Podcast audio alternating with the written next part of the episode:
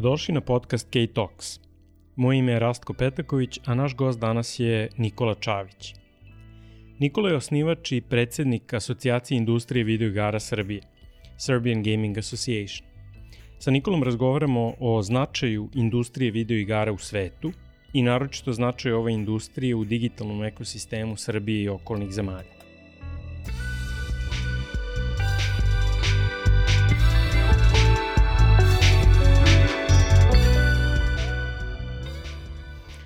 Nikola, dobrodošao. Zdravo, Rastko. Bi, zadovoljstvo je biti ovde sa tobom. Nikola, ja ću za početak da pokušam da napravim malo scenografiju za ovaj razgovor, pošto pratimo i to ko su slušaoci i šta ih tačno zanima. E sad, čini mi se da za nas gejmere, e i sebe ubrajem u gejmere, dakle za nas gejmere neke od ovih stvari se podrazumevaju, ali nisam siguran da svi shvataju koliko je ovo velika industrija u svetu i u Srbiji. Ne znam da li da kažem pre svega u svetu ili pre svega u Srbiji. Evo samo kao uvodni podatak. Pronašao sam da je tokom 2019. godine ukupan prihod gaming industrije bio 150 milijardi dolara, naspram 40 milijardi koliko je zaradila filmska industrija i 20, 20 milijardi koliko je zaradila muzička industrija. Dakle, Gledajući po ovim brojkama, gaming industrija je gotovo tri puta veća od filmske i muzičke industrije zajedno. Hajde sad da, da za početak razjasnimo kako je do toga došlo. Ko su ti ljudi, e, koliko ljudi igra igrice, odakle toliki prihod i kako je to zapravo postala jedna toliko velika i moćna industrija u svetu? Da, pa hvala ti što si naveo taj podatak. To je obično nešto što ja kažem kada, me, kada pokušavam da objasnim ljudima kolika je velika industrija. Obično su ljudi prate muziku, prate filmove i tu se završava, ne shvataju da je zapravo industrija videoigara najveća industrija zabave na svetu. Što se tiče tih brojeva koje si pomenuo, znači procene da, da, da gaming se vrti negde oko 150 milijardi godišnje i pod to potpada sve, znači i prodaje hardvera, i prodaje igara, znači i digitalno i uh, u prodavnicama sve, sve zajedno uh, i deli se na neke tri velike celine, znači konzole, PC igre i mobilne igre. Do pre nekoliko godina, pa možda, ajde kažem do pre 10 godina, to je bilo podeljeno između PC igara i konzola, manje više a onda je naš, naišla, uh, mislim, totalni razvoj i ekspanzija industrije mobilnih igara, pre svega zahvaljujući uh, pametnim telefonima i, i njihovoj prodaji i ekspanziji globalno. Uh, tako da je industrija mobilnih igara sada zapravo broj 1 u svetu uh, i uh, od tih nekih 150 uh, donosi otprilike pola trenutno sa, de, sa tendencijom još većeg rasta i bržeg rasta od ostalih segmenta, tako da možemo da kažemo da od tih 150 otprilike milijardi preko 70 odlazi na mobilne igre, što je zaista fascinantno da se tako brzo uveća uh, faktički jedna potpuno nova, novi segment uh, u industriji. Um, zašto se to dešava? E, pa to pre svega se dešava, kao što sam rekao, zbog, zbog pametnih telefona, uređaja koji su a, faktički konzole na jedan svoj način a, i omogućili su milijardama, bukvalno milijardama ljudi širom sveta da postanu gameri. A, pre da bi bio gamer, a, znači morao si da kupiš ili PlayStation ili Xbox ili ne znam, PC ili tako nešto, a sada uz, te, uz mobilni telefon svako može da se igra i trenutno neka procena da u svetu postoji oko 2,5 do 2,6-7 milijardi uh, igrača. I kako se taj broj povećava, uh, samim tim ta mobilna industrija i generalno ukupna gaming industrija raste. Um, to je glavni razlog za ovu ekspanziju u zadnjih 10 godina i to će samo nastaviti da, da, da raste u budućnosti, što je fenomenalno. Mo, možda da razumemo malo uh, i tu evoluciju pre nego što nastavimo na ovaj glavni deo razgovora. Uh, čisto da, da, da vidimo šta su to bili neki, da kažem, prohibitivni faktori u vreme kada sam ja prvi put igrao igrice. Pa sad samo da, da, da pokušam da podelim svoje prvo iskustvo. Moje prvo iskustvo je bilo sa kasetama. Aha. Dakle, uzmeš, uzmeš kasetu, imaš uh, Commodore 64, to je bio prvi na kom sam igrao igrice. Uh, staviš ga u, u, u dek, uh, čekaš, pustiš praktično da se to učita kako je, kako je bilo. Nadaš se da, da je kaseta, pošto je to bukvalno bilo na trakama, kasete da, da nije oštećena, da nisi previše puta igrao, jer ako previše puta igraš, mislim da će to da se razmagnetiše. I a, e, pored toga mora se da imaš naravno nekakav računar kojih je bilo vrlo malo u Srbiji, ali koga god znam da je došao i video taj, uh, taj računar, to je bilo neverovatno čudo. I sad e, nikome nije bio prvi e, utisak hajde da, ne znam, hajde da kucamo tekst, hajde da programiramo, hajde da, znaš, sve ono što je recimo možda gurnulo industriju uh, računara u tom trenutku, ništa od toga, ništa od toga nije bilo pitanje. Prvo pitanje je bilo ajde igramo igrice. Sad, uh, verovatno se radi o tome da je da je daleko veći broj ljudi sada u poziciji da ima nešto što mu omogućava da, da igri igrice, dakle ne znam koliko ima, ali verovatno oko 4-5 milijardi telefona na, na svetu, svaki od njih je uh, weaponizable kao neki, uh, kao neki, uh, kao neka gaming konzola, uh, ali uh, kako je, uh, kako, kako se kretala, to, to mi je pitanje, kako se kretala uh, uh, mogućnost igara da se monetizuju kroz vreme. Jer kao što ću se ja setiti da sam ih igrao na kasetama, ja nisam ni jednu kupio. Bilo je nemoguće kupovati ih, to je neko nasnimavao nekom drugom. U periodu uh, pre mene, dok sam ja još bio mlađi, dok nisam igrao igrice, čuo sam da su ljudi preko radija puštali zapise sa tih uh, kaseta i onda ih snimali kako bi mogli da, da, da igraju igrice. To je sve nešto što deluje na jednu platformu koja je vrlo zabavna i služi zaista nekoj zabavi, ali nema nikakvu vrednost u okviru monetizacije. Sad, počeo si, načeo si malo tu, tu diskusiju, ali kako izgleda zapravo taj put monetizacije jedne dobre igre i koji su sve kanali kroz koji se, kroz koji se ona ostvaruje? Uh mhm. -huh. Pa pazi, ti kad si krenuo da si igraš, bila je potpuno drugačija monetizacija i ono, dug, dug broj godina, mislim, industrija se svodila na to da odeš u prodavnicu i da kupiš video igru. Uh, posle toga imamo, recimo, od kraja 90-ih, uh, ili možda čak sredina 90 imamo igre kao što su Ultima Online, pa onda World of Warcraft i tako dalje. Uh, one su uveli neki novi biznis model, a to je bila mesečna pretplata. Uh, I tada je baš onako jako puno uh, i kompanija i igara globalno uspešnih se bazirala na tom poslovnom modelu. Uh, I ja sam sticam prilika radio za CCP Games 5 godina na EVE Online-u i to je bio naš core business model, uh, pretplatnici i mesečna pretplata i vrlo je onako um, zahvalan business model zato što možeš lako da projektuješ i cash flow i da, i da menadžuješ uh, sredstva i tako dalje. Međutim, sa pojavom mobilnih telefona ulazimo u neku treću fazu uh, monetizacije i to je verovatno najzanimljivija, a, a to je free to play model. Um, free to play model uh, se zasniva na tome da ogromna uh, većina tih igara uh, su zapravo besplatne, da se skinu, da se probaju, da se igraju. A, I za, opet, najveći broj tih igara vi možete za uvek da ih igrate potpuno besplatno. Neke imaju limitirane određene funkcije, pristup određenim stvarima u igri, ali velika većina njih je potpuno besplatna.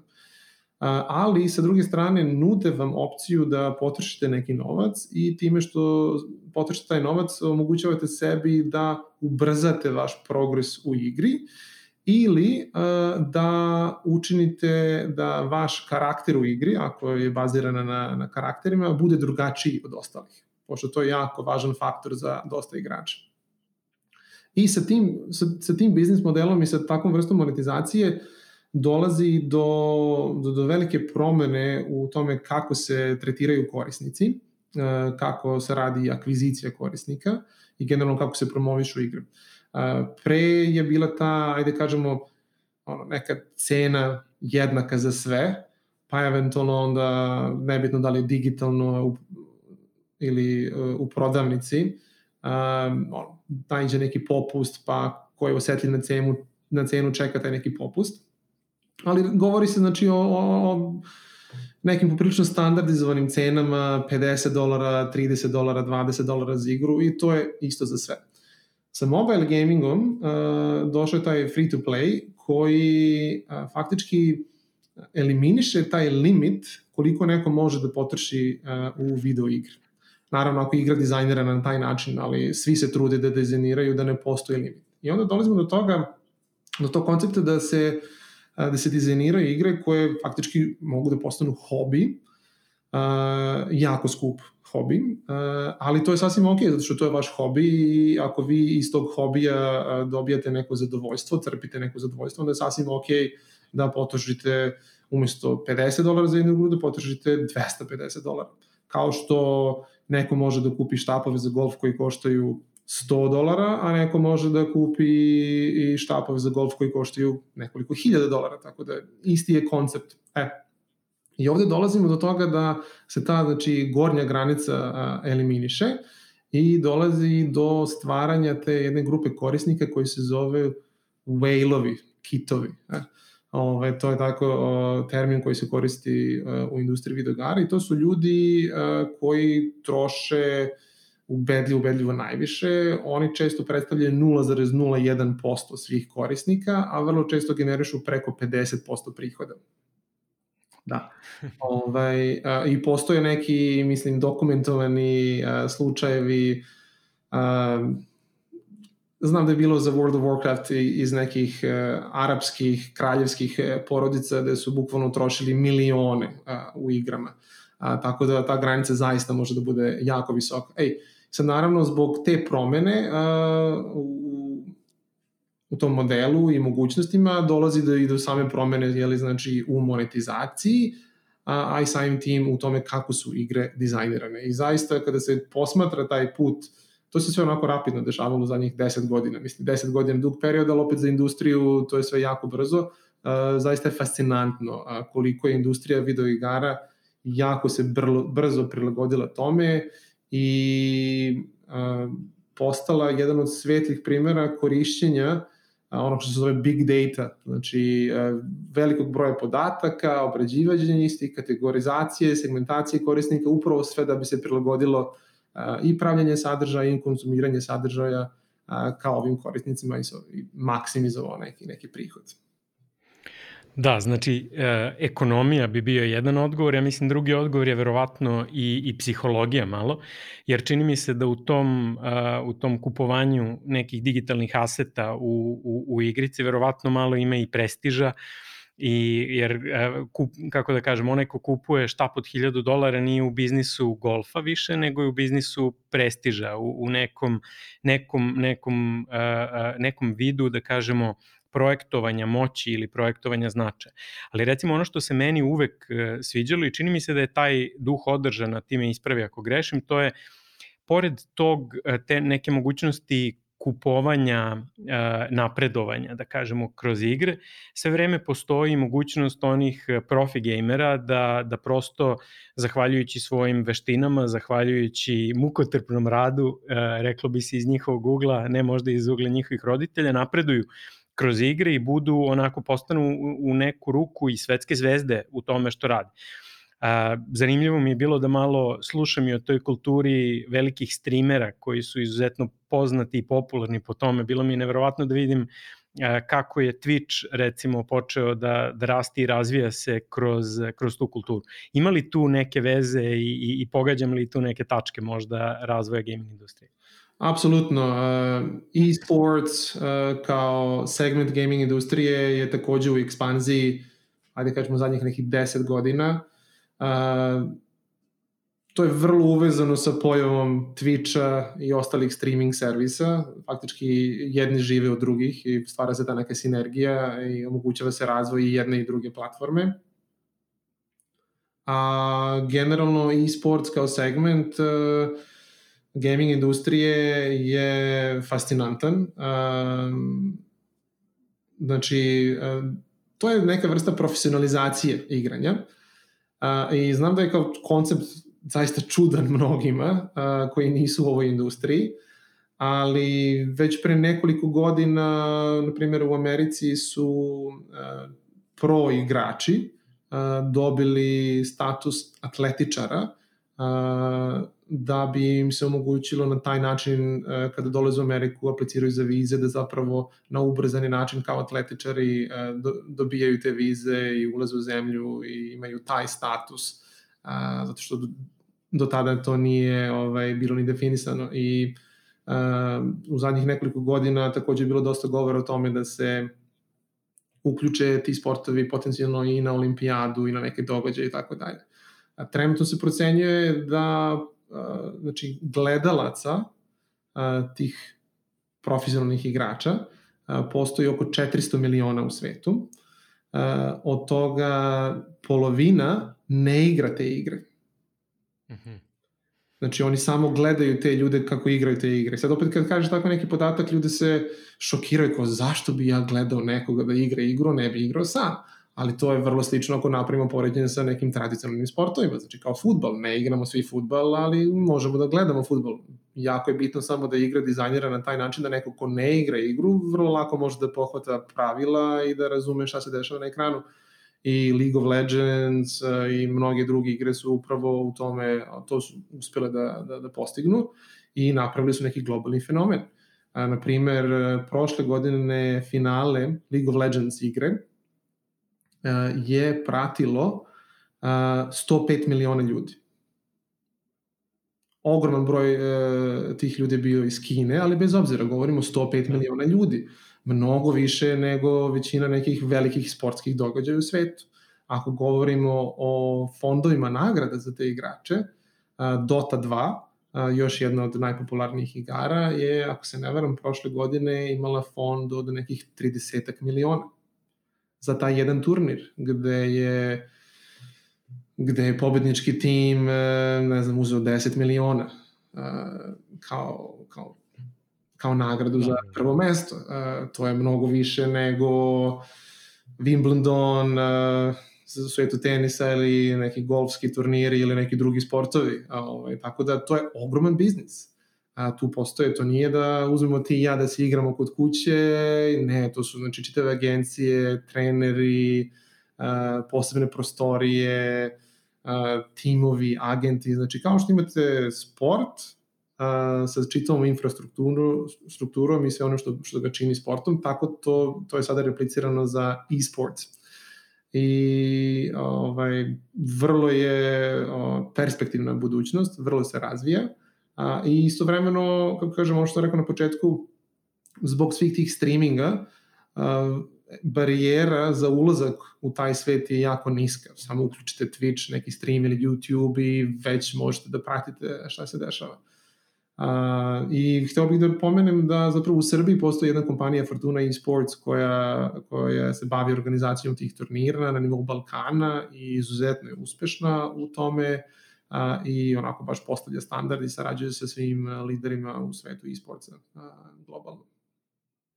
Super, mislim da je ovo odličan uh, za sledeći segment. Ono što, što sam baš hteo da te pitam je, uh, imamo jednu industriju koja je na globalnom nivou jedna od najvećih, a verovatno najveća industrija zabave, dakle gaming. Uh, imamo jednu malu Srbiju, relativno, A, I ono što malo odskače u toj slici to je prošlogodišnje istraživanje Startup Genoma koje je pokazalo da je zapravo a, Srbija, odnosno specifično Beograd i Novi Sad kao, a, kao centri e, tog digitalnog ekosistema u top 10 a, za a, gaming industriju. Kako je došlo do toga? Kako je, odakle taj talenat, kako se skupio i kako je moguće, verujem da se radi o jednom značajnom priznanju kada pogledamo uh, o kakvim imenima, o kakvom novcu se radi i o kakvim jeli, mogućnostima za razvoj i za, za monetizaciju. Apsolutno, to istraživanje koje je Startup Genome uh, odradio uh, i svrstao Beograd i Novi Sad u sam vrh uh, ekosistemu u Evropi je ogromna stvar za, i za našu zemlju i naravno za ovu industriju u našoj zemlji i jako smo ponosni na to. Kako je došlo do toga? Pa više, više razloga. Izdvojio bih par. pre svega, zaista imamo dobar ekosistem i razvijen ekosistem. Kada pogledate na, na kompanije u industriji video igara koje su srpske kompanije koje su razvijene ovde iz Srbije u zadnjih 10 godina, a, i koji su zetno uspešne na, na, na globalnom nivou, kao što je Nordeus, a, Trilateral, a, Two Desperados i mnogi drugi, a, onda shvatate zapravo mi ovde imamo jako puno talenta. A talenat u ovim kreativnim industrijama je glavni faktor ili jedan od glavnih faktora za, za uspeh. Tako da zahvaljujući ovim kompanijama koje već deceniju a, rade, i stiču znanje i naravno šire to znanje unutar zemlje. Mi smo stvorili jedan izuzetno razvijen ekosistem gde sa ponosom mogu da kažem da u našoj asocijaciji imamo sada preko 70 članova. To nisu sve kompanije, većina jesu kompanije, ali imamo i recimo 20-30 timova koji tek treba da postanu kompanije, znači neke vrste start-upova.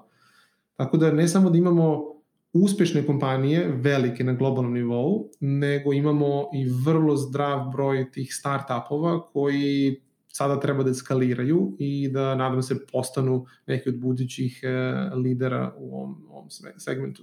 Tako da taj talenat je jedan od velikih e, značajnih faktora zašto smo svrstani e, tu gde jesmo. Pored toga, Mislim da, da ovi neki potezi što su napravljeni e, kao podrška razvoju industrije su isto prepoznati od Startup Genoma kao jako pozitivni.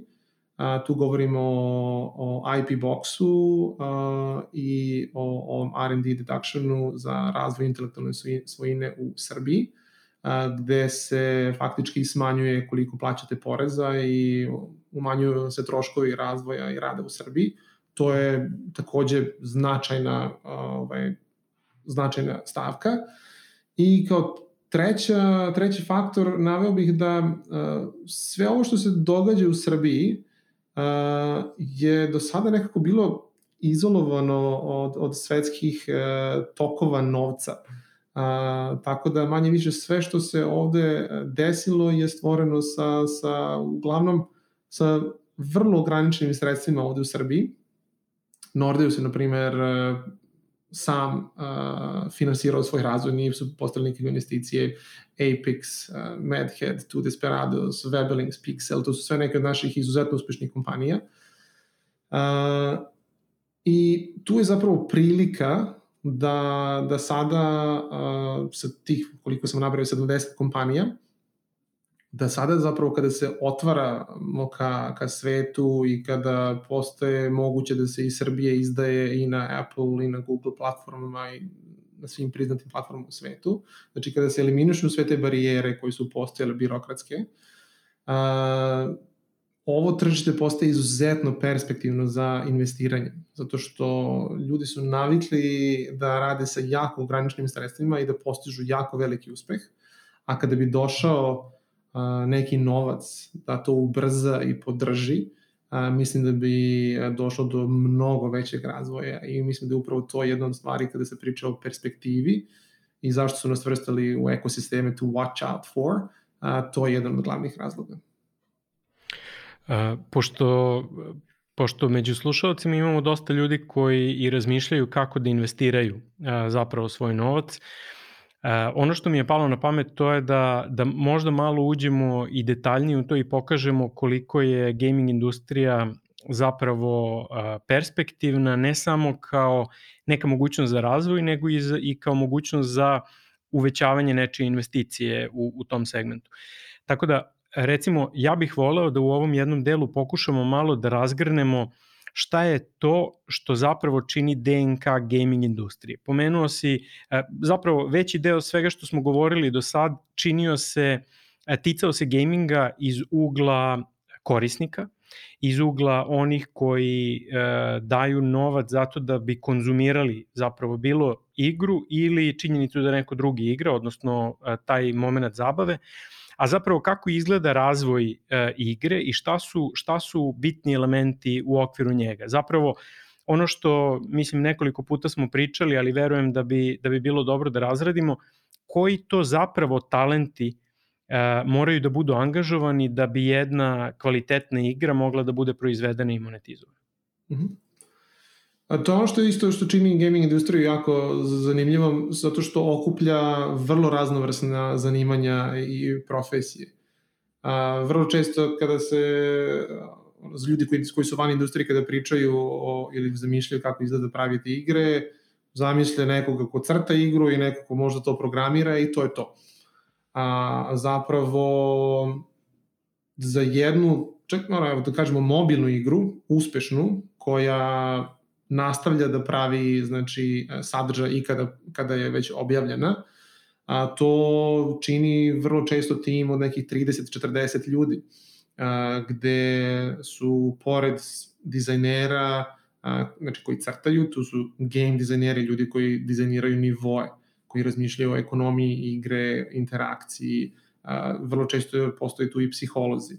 A, onda kada se nešto napravi, to treba da se testira pa onda treba da se plasira na tržište, znači marketari su tu, pa onda treba da se ponudi podrška igračima, pa neko da organizuje te igrače, znači community. Znači, tu postoji jako puno profesija e, i e, mislim, mož, možemo da kažemo da su game dizajneri, programeri, ajde da kažemo neke kritične, a, zato što oni osmišljavaju samu igru i, i prave je, ali ono što tržište pokazuje jeste da ako vam fali, znači ako napravite dobru igru, a fali vam a, dobar publishing team koji će tu igru da plasira i da marketira i da promoviše, a, vrlo verovatno da jednostavno nećete uspeti da ostvarite a, veliki uspeh, a, zato što a, konkurencija na globalnom nivou je velika i neophodno da imate sve komponente a, ovaj, da pokrite zapravo sve što je neophodno a, za plasiranje jedne igre. A, tako da, što se tiče znači, profesija, vrlo raznovrsno a, i a, to ono što mi u asocijaciji se stalno trudimo da skrenemo pažnju ljudima da a, u ovoj industriji a, mogu da nađu, a, da se prepoznaju da nađu posao mnoga zanimanja, jer jednostavno ljudi ne razmišljaju o industriji videoigara kao, kao neko gde mogu da rade. A kao što smo već rekli, izuzetno je perspektivno, tako da je onako a, potpuno ima smisla. E sad, da se vratim na tvoje originalno pitanje kako izgleda razvoj a, igre i kako ti ljudi prave tu igru. To sad zaista mnogo zavisi od uh, toga za koju platformu se pravi igra i uh, kog kalibra, profila, kategorije i tako dalje. Znači, za, za mobilne, za mobilnu platformu postoji kategorija koja se zove hyper casual, znači to su one najjednostavnije igre. Vrlo često možete da ih igrate sa jednom ruku, rukom i da bukvalno imate interakciju samo sa palcem. Znači, jedan prst e, dok stojite u autobusu i to je to. Znači, vrlo jednostavne igre. One ako neko ima iskustva i ako postoji dobar tim od recimo dve, tri osobe, one često mogu da se naprave u roku od nekoliko nedelja. Znači da budu onako kompletno zaokruženo iskustvo a, za nekoliko nedelja. Kada pravite, kao što sam pomenuo ranije, a, MMO igre, znači koji su bazirane na pretplati kao što je EVE Online, World of Warcraft i tako dalje, ili kad pravite neke AAA igre, uh, ne znam, velike naslove kao što je, ne znam, League of Legends, Doom, Assassin's Creed i tako dalje. Uh, tu vrlo često rade stotine ljudi, nekada taj broj ide i preko hiljadu, uh, i oni rade nekoliko godina na razvoju. Tako da zaista zavisi od toga da napravite igru za nekoliko nedelja do toga da vam su potrebe godine i stotine ljudi i desetine miliona evra da to finansirate. Tako da taj scope igre i na, na koje tržište ciljate direktno utiče i na potrebu za, za veličinom tima, znanjem i samim tim je veličinom investicije. Hvala ti. Pomenuo si, pomenuo si, e, odakle je došlo ovo moje pitanje. Imam kolegu advokata koji je partner u, u, u jednoj londonskoj kancelariji koji, čija je čerka u Londonu upisala fakultet izrada gameplaya za igrice. Dakle, kako, kako se razrađuje storytelling i kako se radi taj story design u okviru igara i to, to radi na fakultetu koji je verovatno vekovima unazad učio englesku književnost. A, pored toga pomenuo si Trilateral. Trilateral je na moje ogromno oduševljenje učestvovao u, u radu, u izradi a, Horizon Zero Dawn Sonijevog, koji je jedno možda moja omiljena igra trenutno.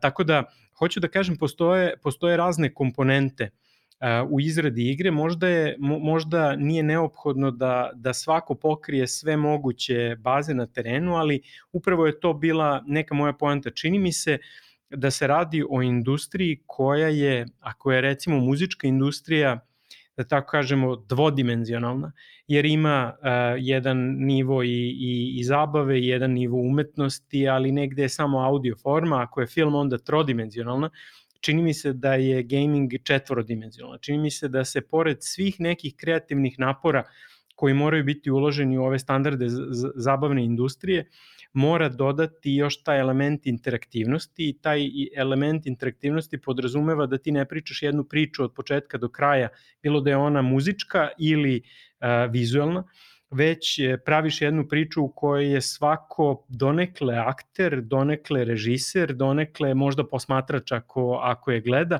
pa mi je to bila više poenta kako se ti svi različiti talenti ukomponuju u jednu, u jednu zanimljivu, dobru, kvalitetnu igru. I ajde možda da, da pomenemo koliko je kvalitetan i koliko je dovoljno uh, jak obrazovni sistem koji bi morao da podrži nekakvu značajnu uh, industriju budućnosti. Jer kada govorimo o tome šta radi uh, Startup Genome, on ipak uh, ispituje šta rade startupi, odnosno kako je taj neki deo industrije u, u nastanku kvalitetan kakav mu je potencijal. Ako zamislimo da svi ti startupi postanu ono što je postao Nordeus uh, u, u Srbiji, uh, koliko je naš uh, obrazovni sistem dovoljno snažan kadar da obezbedi kadrove za tu industriju? Mm -hmm. Pa ovako, što se tiče kadrova i razvoja talenta i tako dalje, mi u Srbiji imamo dosta dobro pokriveno što se tiče inženjera, znači tu oblast, i, i artista. Ako se ne varam, mislim da imamo trenutno nekih 30.000 30 otprilike studenta koji, su, koji se bave matematikom, IT-em, kompjuterskim naukama i tako dalje, što je jako veliki broj, za, mislim relativno veliki broj za, za ovako malu zemlju. E, slična situacija je, mislim, što se tiče umetnika. Znači, tu imamo dosta, dosta razvijeno te programe i mislim da izlaze jako talentovani studenti.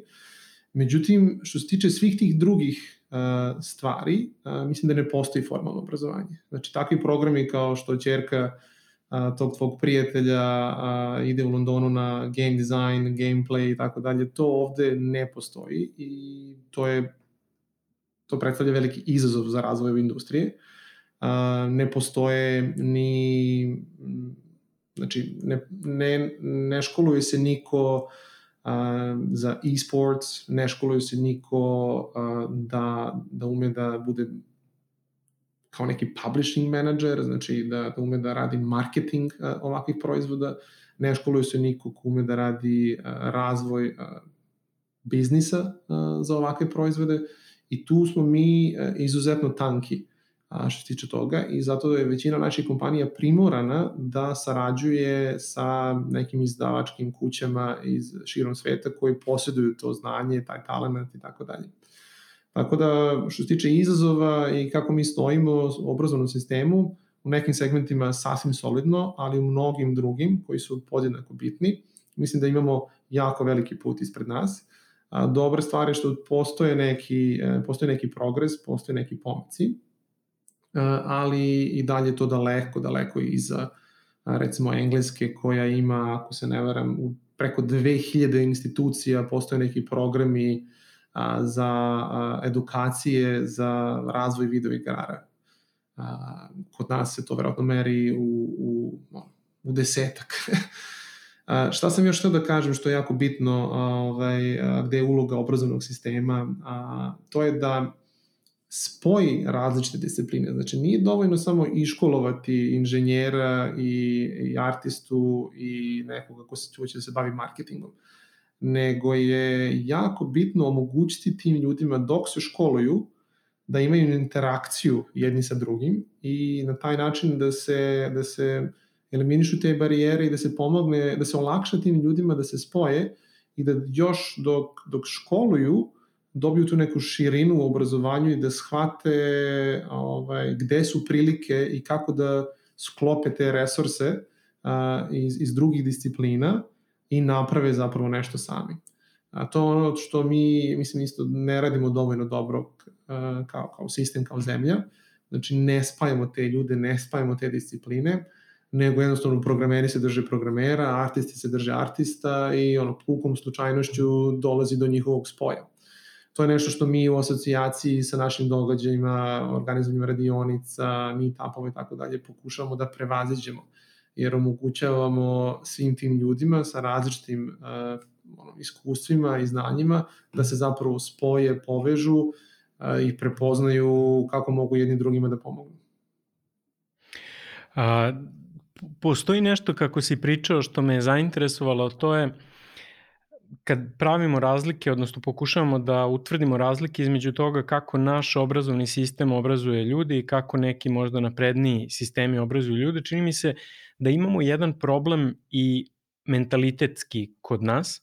Zamišljam kako bi, kako bi izgledalo nastavno naučno veće na nekom fakultetu na kome se razgovara o tome da je potrebno da se uči na fakultetu to kako se razvija video igra ili kako se, koji su pravi kanali monetizacije, kako se menadžuje sport u e-sportsu, kako se radi publishing uh, igre.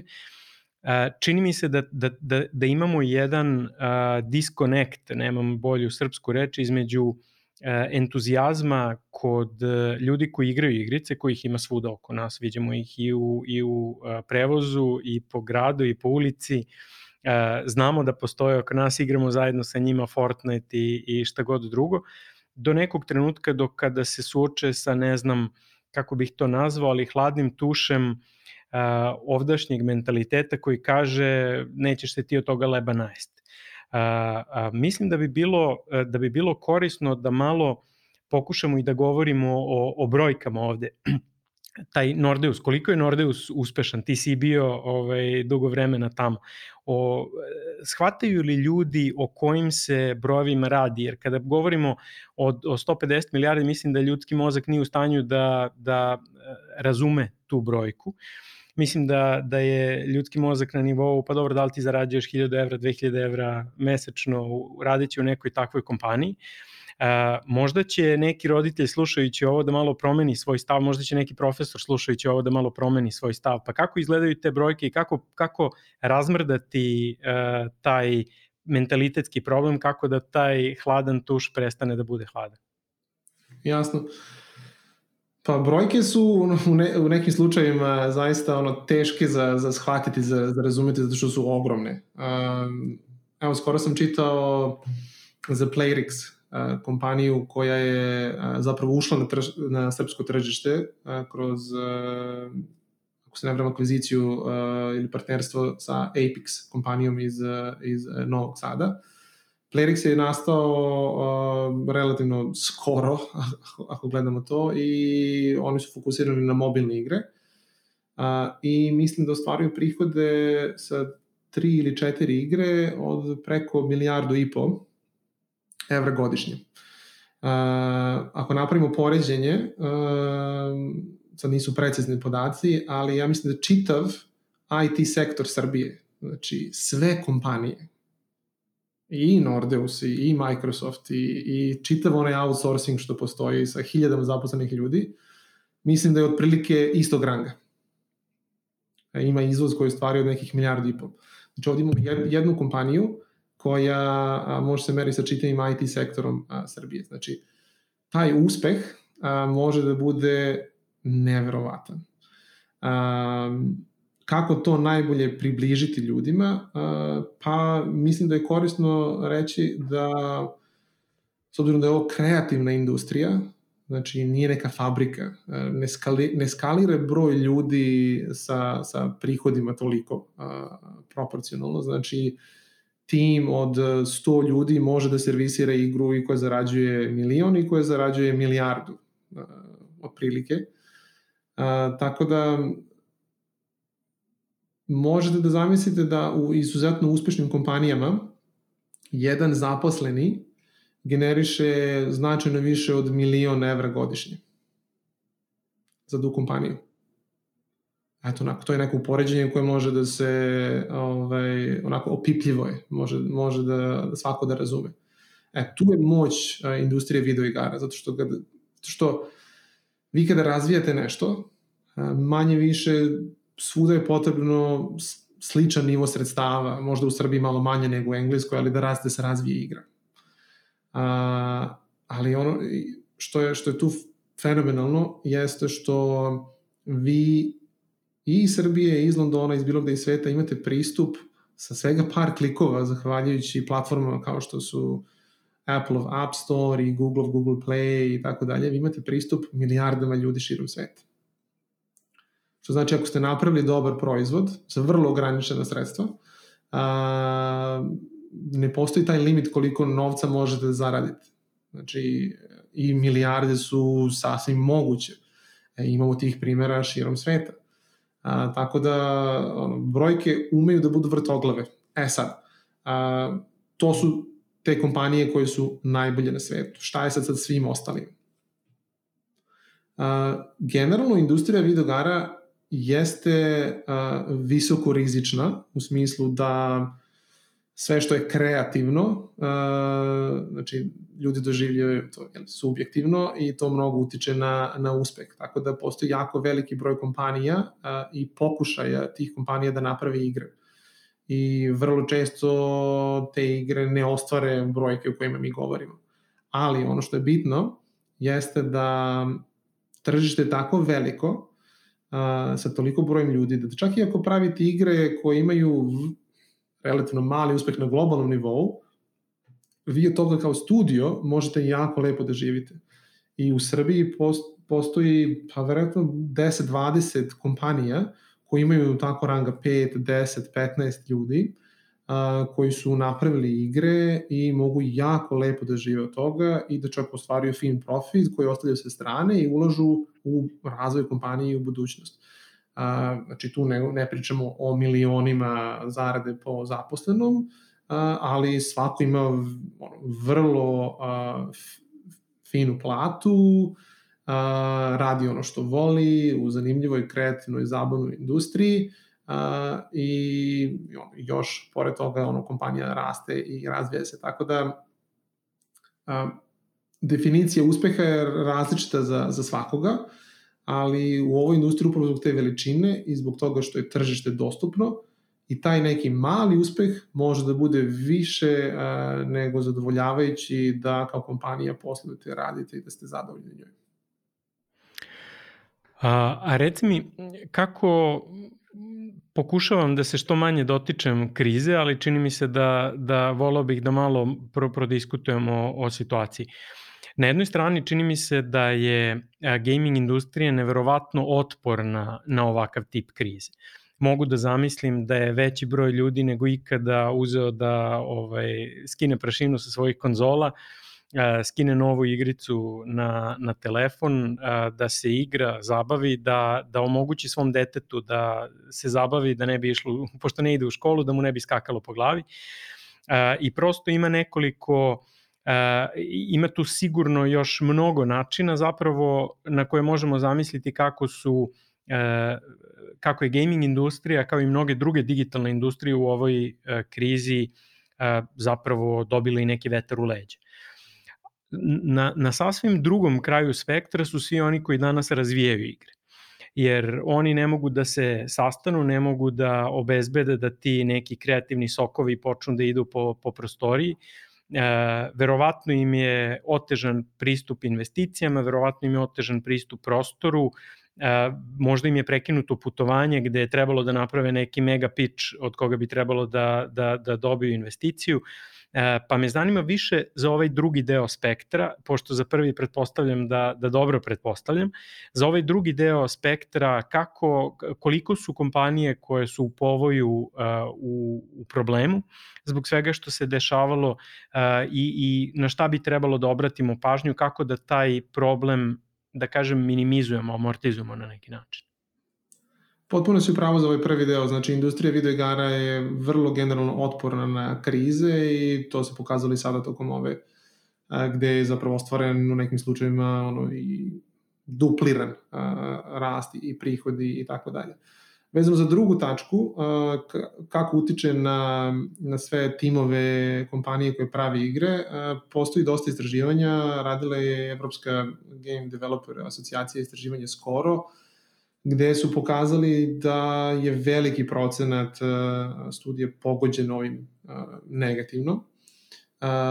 Sve ovo što se naveo potpuno su pravu, znači ova kreativna industrija neophodno da su ljudi zajedno da, da kolaboriraju, da ono, razmenjuju iskustva i tako dalje.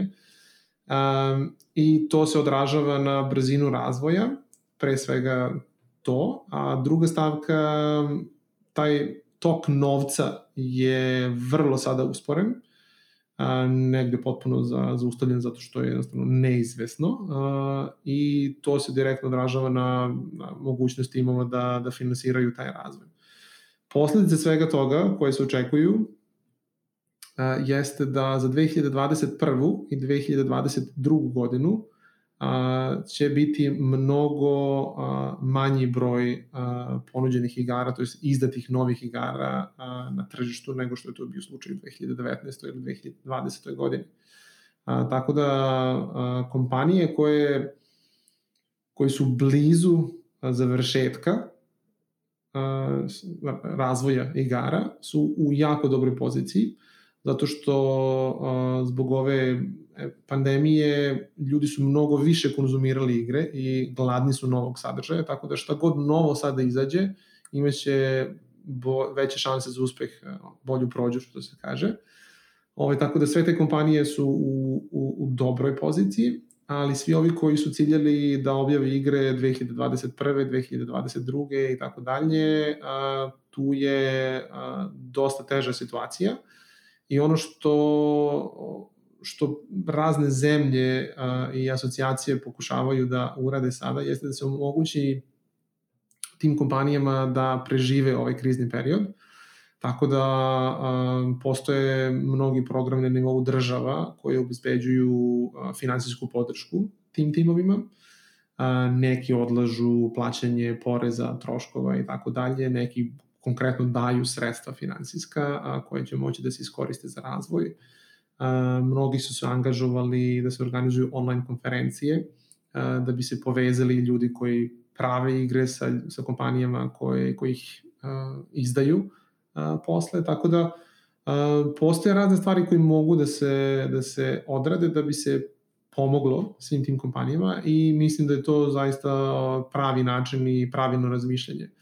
A, I mi u asocijaciji a, pokušavamo da ispratimo neke od tih stvari. E sad što se tiče investicija a, i tih fondova, to je neophodno da se deši, desi ili na nivou države ili privatnom sektoru a, i mi smo tu vrlo rado ovaj, raspoloženi da pomognemo svim zainteresovanima da, da se informišu oko toga, ali to je van nekako naših ruku da se obezbede ta sredstva. Hvala, evo za, za kraj, ali možda ostaviš neki, neki kontakt kako da te ljudi najlakše pronađu ukoliko imaju neku dobru ideju i želeli bi možda savet za, za to kako da neku svoju fantastičnu ideju realizuju u, i, i, i naprave novi uh, Epic Games ili, ili nešto slično. Da, pa uh, ja bih usmerio, mislim, uh, svi su vrlo dobro došli da, da kontaktiraju mene lično, uh, ali ono, najlakše je zapravo postoji naša čitava zajednica u Srbiji, najlakše je da, da, se, da se prati SGA a, i naši kanali i na Facebooku i na Instagramu i na kraju krajeva kad se nadamo se sve vrati vrlo, vrlo brzo u normalu na našim događajima. A, tako da postoje razni kanali koji kupljaju stotine ili hiljade ljudi iz zajednice. A, ja sam prisutan na svim tim kanalima, kao i mnogi drugi ljudi, tako da to bi bio moj nekako prvi savet. A, a ako već neko želi direktno da stupi u kontakt sa nama, sga.sga.rs je naš e-mail uh, i svako je dobro došao da se javi. Rado ćemo pružiti, pružiti podršku i pomoć svima. Hvala ti mnogo Nikola i, i meni je bio super razgovor i želim ti puno sreće i puno uspeha našoj gaming industriji. Hvala takođe, bilo mi je zadovoljstvo.